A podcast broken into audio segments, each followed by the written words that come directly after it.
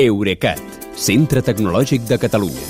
Innovant amb les empreses. Innovant amb tu. Albert Cuesta, bona nit. Bona nit, Kilian.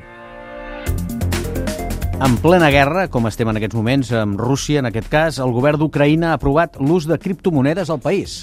Fa un mes, el Parlament ucraïnès va aprovar un projecte de llei sobre actius virtuals que legalitza les criptomonedes establint un marc que regula les transaccions amb Bitcoin, amb Ethereum i amb altres criptodivises.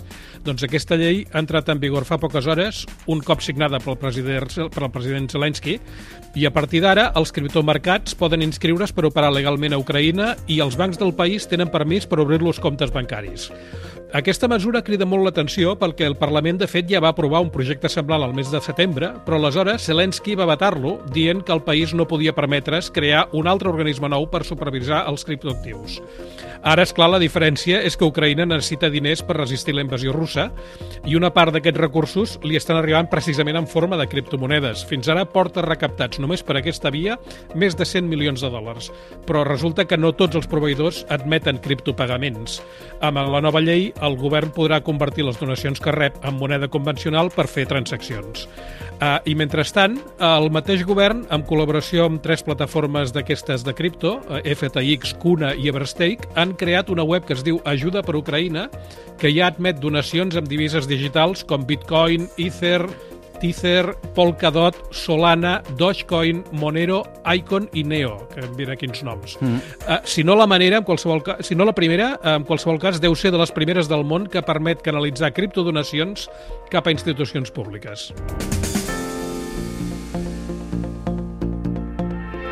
I escolta'm, Albert, té sentit que sigui Ucraïna un dels països més actius del món en criptomonedes? Sí, sí. Uh, de fet, uh, fins i tot sense estar regulat, són els ciutadans ucraïnesos són els que transaccionen més amb criptomonedes, seguits pels russos i pels venezolans.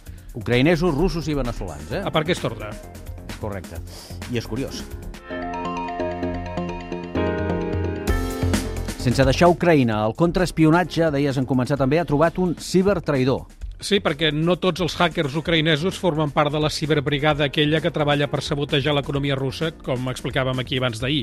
Uh, els serveis secrets d'Ucraïna diuen que han detingut un ciutadà que no només feia enviaments massius de missatges de text dels funcionaris del país, convidant-los a passar-se l'enemic, sinó que l'individu també gestionava cada dia el desviament de fins a 1.000 trucades de veu de comandaments militars russos als telèfons mòbils dels seus propis soldats en territori ucraïnès. Uh, ja sabíem que fins ara l'exèrcit rus ha respectat força les antenes de mòbil d'Ucraïna i en bona part és perquè li interessa aprofitar la cobertura de les telefòniques del país. Mm, ara sabem com ho feien, si més no, fins ara. Sí, més no fins ara, efectivament. A veure, Molt bé, doncs... Fins que trobin un altre traïdor. Exacte, o trobin una altra manera de fer-ho. Uh, moltes gràcies i fins demà. Bona nit, Kilian, fins demà. Eurecat, centre tecnològic de Catalunya. Innovant amb les empreses. Innovant amb tu.